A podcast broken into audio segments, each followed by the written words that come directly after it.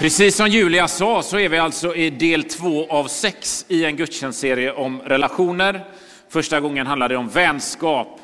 Idag handlar det om äktenskap och parrelationer.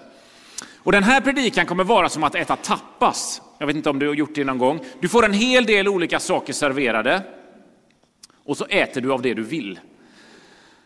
Och tänker jag vill säga något till dig som inte är i någon parrelation eller som inte är gift. Sen vill jag säga till någon, någonting till dig som finns i en sån relation. Och så vill jag också säga någonting till dig som har varit i en sån relation eller varit gift men inte är det längre. Men jag vill börja kring att inte vara gift än eller finnas i någon parrelation. Delvis är den här första delen faktiskt lite datingtips. Så en del kanske ska lyssna extra. Men du kan också se det som ett allmänt råd kring eh, hur man relaterar till andra. Oavsett om det är någon du har en relation med eller någon som är din vän eller bekanta. Och vi börjar med en myt, nämligen den här myten om att det finns en person som är just rätt för dig. Alltså att det ska finnas en särskild person som är precis rätt för dig och när ni möts så är ni två som pusselbitar som är liksom menade att sättas ihop. Det bara passar så bra, ingen tvekar på något annat. Och det finns heller ingen annan som är lika bra för dig som just honom eller henne. Vet ni, jag tror att det är en myt. Men det finns ju en dimension till om det där med rätt person. Jag skulle säga att det är ännu mer en falsk myt. Nämligen att den dagen som du träffar honom eller henne, då kommer den personen göra så att allt blir rätt för dig. Ni vet, får jag bara träffa rätt person som jag senare kommer gifta mig med, så kommer allt det andra i mitt liv också ordna sig. Och alla som är gifta här inne nickar medhållande och säger faktiskt ja, där har han en poäng. Men faktiskt så bär en hel del människor på sådana förhoppningar att framtiden bli, kommer bli klar. Andra, människ, andra områden som jag vill göra och längtar efter, det kommer liksom falla på plats. Bara jag får träffa honom eller henne. Han eller hon är liksom ett förlängt svar på allt jag behöver i livet. Som att man tänker att det viktigaste i livet är att hitta rätt person istället för att bli en bättre människa eller bli rätt person. Nej, nej, du behöver inte förändra någonting. Du, behöver inte, du har inga områden du behöver arbeta på. Du har inga, bete, inga beteenden du ska slipa på. Du behöver inte bli mer kärleksfull, inte mer generös. Du behöver inte ha större tålamod. Utan bara du hittar rätt person så kommer allting ordna sig för dig. Alltså den kristna tron säger ju delvis att redan som du är så är du älskad. Samtidigt som ett av grundbudskapen är ju att när man följer Jesus så förändras man också som människa. Att det finns så många bibelställen som berättar om människors förändring genom deras möte med Jesus. Ni vet, Jesus vill hjälpa oss till att vi ska bli bättre på livet. Till att vi ska bli mer hela, till att vi ännu mer ska formas efter vad Gud tänkt, eller vilket uttryck man nu vill använda. Och det menar Bibeln, det händer genom att följa Jesus. Och i sin tur så hänger det också ihop med att ha ett förhållande och att gifta sig. För att hitta någon man vill leva med, det handlar inte om att hitta rätt person. Utan vad det faktiskt handlar om är att du själv ska bli den personen som den personen du letar efter letar efter. Och till dig som är i ett förhållande, dig som är gift kan man ju fråga sig så här, är jag fortfarande den personen som min respektive då letade efter? Eller har saker, har livet, barn, arbete, skola, aktiviteter kommit i vägen för att vara den som han, hon såg när de såg dig? Och här kommer hela grejen med Jesus, att vara en kristen, tro på Gud till ett nytt läge. Det finns ett tillfälle när Jesus talar med sina lärjungar det här om att följa honom och att vara sammankopplad med honom. Och mitt i det så säger han så här. Mitt bud är detta, att ni ska älska varandra så som jag har älskat er. Alltså det Jesus egentligen säger här, det är det jag vill ska vara en sak som dominerar ert sätt att tänka och förhålla er till andra människor. Det är detta. Det finns en mening, ett bud, som ska vara ledstjärnan i hur ni relaterar till er själva, till både de som finns nära er och lite längre ifrån er. Och det är detta. Älska varandra som jag har älskat er. Det ska vara kännetecknet på mina följare, säger Jesus. Och så bara dagar efter att han säger detta så hängs Jesus upp på ett kors, dör framför deras ögon. Alltså de får en konkret demonstration om vad det innebär att älska någon. När deras Herre och Frälsare Jesus lider och dör för deras skull. Och här kopplar hela detta till det här med relationer, till förhållande. Och att bli den personen som du letar efter, själv letar efter. Alltså låt budet som Jesus ger sina följare om att älska andra människor som Gud älskar dem också bli eftersmaken av ditt liv. Alltså där har du den förändringen som Jesus vill se i sina följare. Alltså där har du någonting att sträva efter när du letar efter någon att dela ditt liv med. När du dejtar någon, känner den personen som du dejtar att här har jag en kille eller tjej på gång som älskar andra, som kliver in i något för andra människors bästa. Du som varit gift ett tag, ställ dig frågan, är jag fortfarande personen, den personen för den du levt med under ett tag? Är det meningen som din pojkvän, som din flickvän, som din man eller fru känner när han eller hon tittar på dig? Han är en som älskar mig. Han är en som vill mitt bästa. Han är en som ser till mig, som på något sätt lyckas representera och demonstrera den här sortens kärlek. Jag tror det här är en nyckel, det är en god grund i alla relationer. Och det är också en bra grund inför kommande dejter.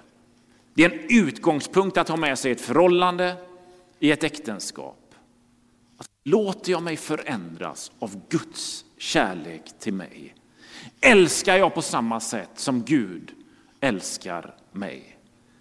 Alltså blir jag den rätta personen? Blir jag den personen som den jag letar efter själv letar efter?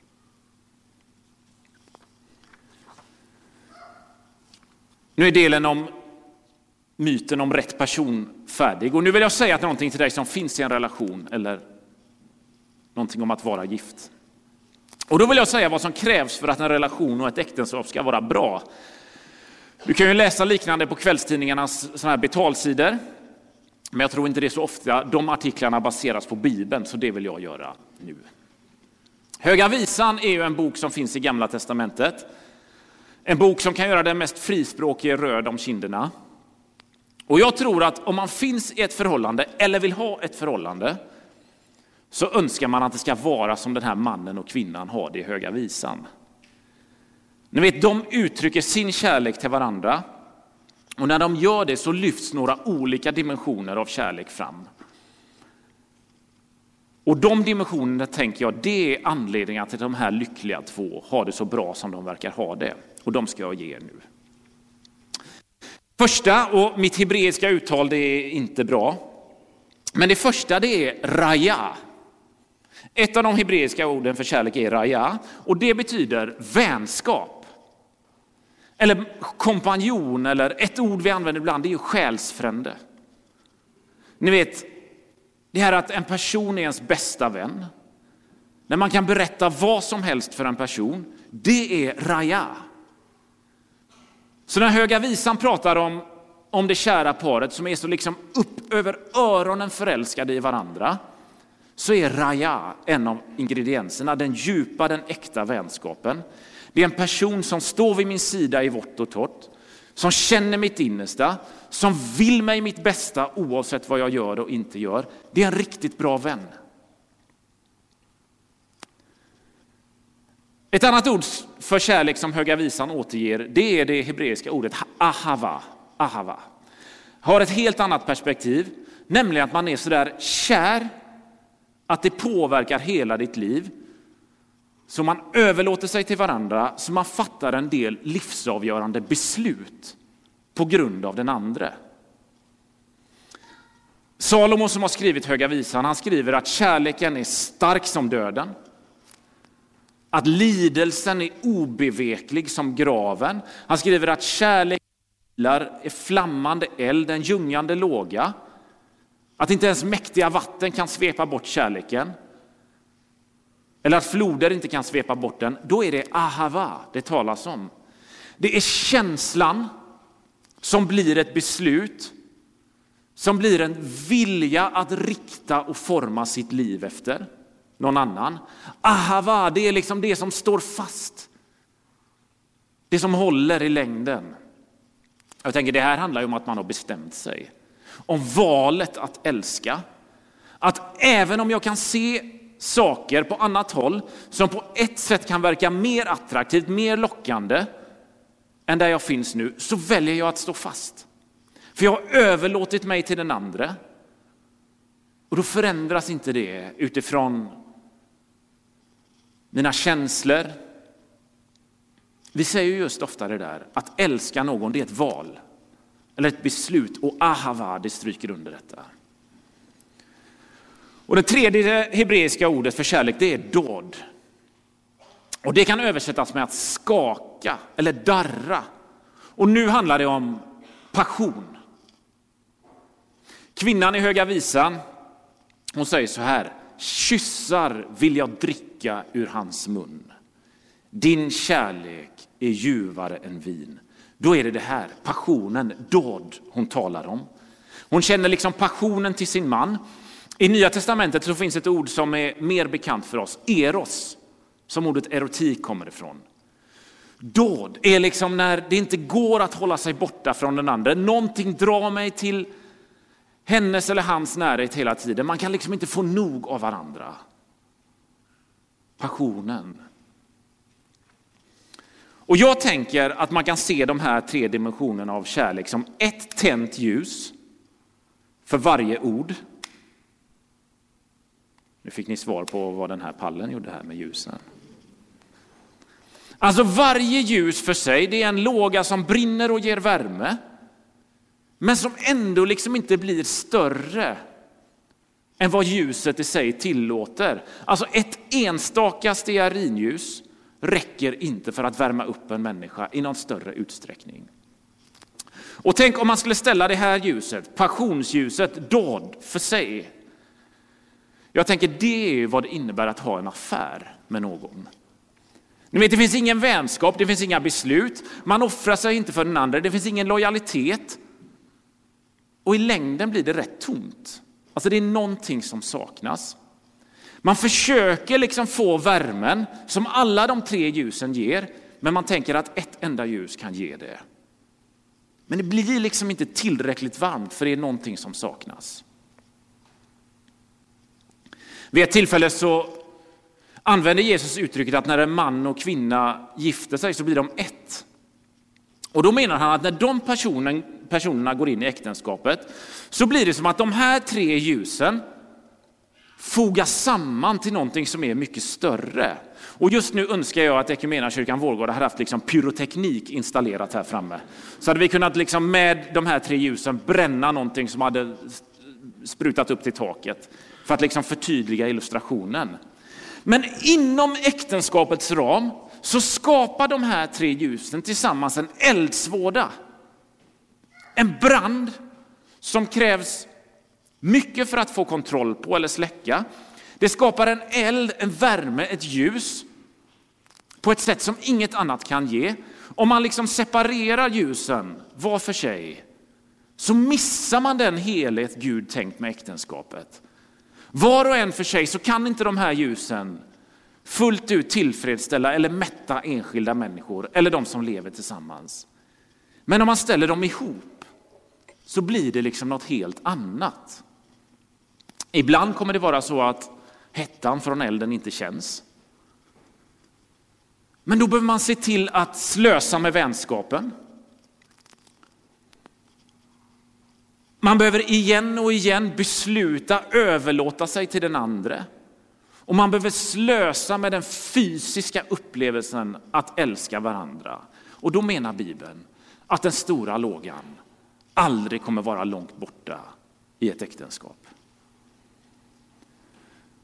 Det här som Jesus säger att man blir ett i äktenskapet, det har man ofta tänkt som något som handlar bara om det sexuella. Men det handlar om något långt mycket mer än det.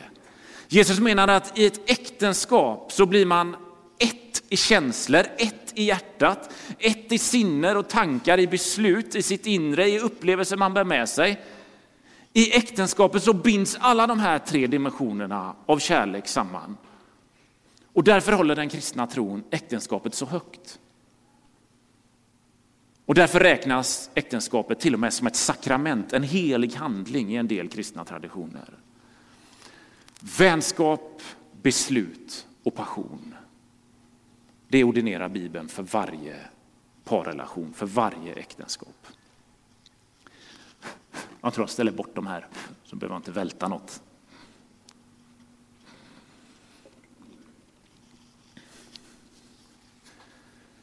Nu vill jag också säga något om när ett äktenskap inte håller. När det blir skilsmässa, när förhållandet tar slut. Och jag vet att en del som lyssnar nu sitter med smärtsamma erfarenheter kring detta. Man själv varit med om skilsmässa, eller någon i ens närhet har varit med om detta. Och det har liksom varit så tungt. Och så finns ju också dimensionen att i den kristna tron, kristna traditionen kanske jag ska säga, så har människor som skilt sig fått höra fördömande ord från andra kristna. Personer som jag kanske har stått längst fram i en kyrka och sagt ord som gått som svärd in i ens inre och sårat. Eller man har fått blickar från andra människor som säger att det som har hänt dig, det är något som både Gud och jag tycker minsann du skulle skött på ett annat sätt. Alltså det gör ju såklart att den här frågan är svår och känslig långt ifrån enkel. Inte minst kombinerat med att äktenskapet har en sån viktig plats, stor plats i den kristna tron. Det jag sa i den första delen av predikan, om myten om att träffa rätt person som gör allting rätt, det är ungefär samma tanke om att träffa drömprinsen eller drömprinsessan. Ni vet att han eller hon inte har några brister. Det finns inget ont. Inget dåligt hos den andra. I alla fall ingenting som kommer vara ett problem för oss. Så här är det. När man närmar sig en människa så kommer du förr eller senare upptäcka att bakom det rosa skimret du tyckte dig se så fanns det en syndare och jag tror att det är vanligt att syndens konsekvenser ofta syns tydligast i de allra närmaste relationerna. Ni vet Kain och Abel. En broder slår ihjäl den andra. Och jag tror att många kan komma på sig själva att inom familjen kan man tänka och säga eller göra saker mot varandra som man egentligen inte vill. Alltså man får konstatera att vi är brustna syndare allihop. Även det som först inte verkar kunna göra en fluga för när. Det är faktiskt en människa med brister som sitter på andra sidan köksbordet. En som kan svika, en som kan trots att man lovar någonting faktiskt göra något annat. En som kan säga saker och göra saker som kan såra enormt. Och för en del blir detta extra tydligt. Det blir liksom inte det vi tänkte, det vi hoppades på, det vi ville. Jag lämnade. Eller han, hon lämnade. Trots att vi lovade varandra något annat. Och tyvärr, får man väl säga, så funkar det så i den här världen. Och ibland smärtar det där extra mycket. Det betyder inte att man kan kategorisera in allt som har med skilsmässa att göra under rubriken synd. Det är inte det jag säger. Men vi är människor med brister. Den här världen är full av brister och utifrån det så kan jag inte säga annat än att skilsmässor händer. Jag tror ingen strävar dit. Ytterst få går in och tänker nu ska vårt äktenskap hålla några år. Och sen går vi vidare. Nej, man drömmer ju om en gemensam framtid ihop. Livet ut när man börjar sitt liv tillsammans. Men för alla blir det inte som man önskade och drömde om. Det kan göra enormt och det kan lägga sig som ett täcke över resten av livet. Utifrån det så vill jag säga till dig som står runt människor som hamnar i skilsmässa, samma bibelord som jag läste förut. Älska varandra som jag har älskat er. Vet ni, jag har hört människor säga att det som var om möjligt ännu jobbigare än skilsmässan, med allt jobbigt den medförde, det var vännernas tystnad. De som tidigare bjöd, bjöd på middag slutade med att göra det. Telefonen var tyst. De som tidigare ringde ringde inte längre. Eller semesterresorna planerades plötsligt utan mig. Hör här. Är det någonting människor som går igenom en skilsmässa behöver så är det människor som visar dem den kärleken som Jesus visat dem. Du kan tycka vad du vill om situationen. Du kan ha en annan syn på det som har hänt. Du kan tycka att saker har hanterats dåligt. Att vänner du aldrig trodde skulle göra och säga saker ändå gjorde det. Men det är inte din uppgift att föra fram den åsikten. Utan vad du ska göra är att du ska sluta upp runt den där och då som behöver dig. För två veckor sedan så handlade det om vänskap. Ett av bibelorden som användes då sa att en vän är den som reser upp den som har fallit. Om marken har slagits undan för en, om verkligheten har förändrats, man kanske har både sårat sig själv och den andra och eventuella barn, då är det vänner som reser en upp som behövs. Kom ihåg det. Men tänker ju en del, Jesus säger ju ändå en del om skilsmässa och det verkar inte vara någonting han rekommenderar. Det finns till och med en äldre översättning av en gammaltestamentlig text som säger att Gud hatar skilsmässa. Alltså hur ska man förhålla sig till det? Varför säger Gud det och utifrån vilken bakgrund? Jo, hör här. En av de vanligaste bilderna från Gamla Testamentet om relationen mellan Gud och folket, det är just genom ett äktenskap. Alltså Gud och hans följare, Gud och de som trodde på honom beskrivs som brud och brudgum. Så nära, så överlåtna till varandra. Men inte bara det. För det är också så att den vanligaste bilden eller vanligaste förklaringen av folkets svek mot Gud, det är otrohet. Alltså varför finns de här orden i Bibeln om att skilsmässa är någonting man inte ska ta lätt på? Kanske till och med i största möjliga mån undvika. Jo, för Gud själv har gått igenom en skilsmässa. Alltså Gud vet vad det innebär att bli sviken. Att någon vänder honom ryggen trots att man lovat något annat. Och det är människor som jag och kanske du som har gjort det. Gud har erfarenheten av skilsmässan med sig. Han vet hur jobbigt det är, han vet hur det smärtar, han vet hur det ställer till det. Därför är det en av anledningarna till att Gud säger, om det finns en annan utväg så välj den. Men samtidigt så är det också så här, det är på grund av att Gud har varit i skilsmässan som han också är den som lanserade allra första rehabprogrammet för alla som har upplevt något liknande. Och det rehabprogrammet startade på Golgata och kostnaden för att sätta igång det, det var Jesu liv. För där och då så bär Jesus alla människors smärta från att bli lämnade, att bli sårade, att såra andra, att göra fel.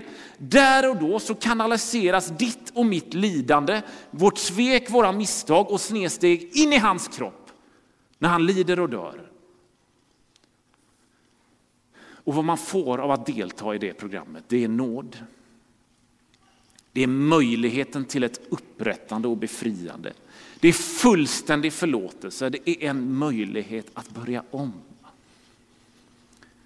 Nej, din historia skrivs inte om. Men Gud som varit med om när de han älskade allra mest, hans folk, lämnade honom. Han vill ge dig en ny upplevelse av kärlek, av nåd och han vill ge dig en tro på framtiden. Det här var några tankar kring parrelationer, kring äktenskap, en del vad det medför och kan medföra. Det finns säkert mycket mer att säga, men vi nöjer oss så för idag. Jag tänker att en del kanske saknar perspektivet när den man lever med dör. Vet ni, det kommer på en gudstjänst om några veckor. Även det här om att vara singel kommer vi också ta upp några veckor senare. Nu vill jag be en bön tillsammans med er. Jesus, vi tackar dig för att du har älskat oss med en kärlek vi kanske inte riktigt kan förstå. Samtidigt så kallar du oss till att älska andra med den kärleken. Jesus, hjälp oss att göra det. Oavsett om vi lever tillsammans med någon eller om vi är själva, så är det en kallelse från dig. Och Herre, jag vill be för alla de som finns i relationer, som finns i ett äktenskap. Om att vi ska kunna vara vänner, om att vi ska kunna besluta oss för den andra och om att vi ska kunna visa passion. Du ser där det här saknas för några, kom och välsigna dem med det. Så ber jag också för den som vet hur det är att ha blivit lämnad, att blivit sårad eller kanske såra själv. Tack för att du känner den människan. Tack också för att du vet precis hur det är. Gud, jag ber om nåd, om en ny start. Tack Jesus för att all den smärtan, den bar du på korset in i din egen kropp. Och det ber jag om att vi ska få veta. I Jesu namn. Amen. Får vi lyssna till en sång.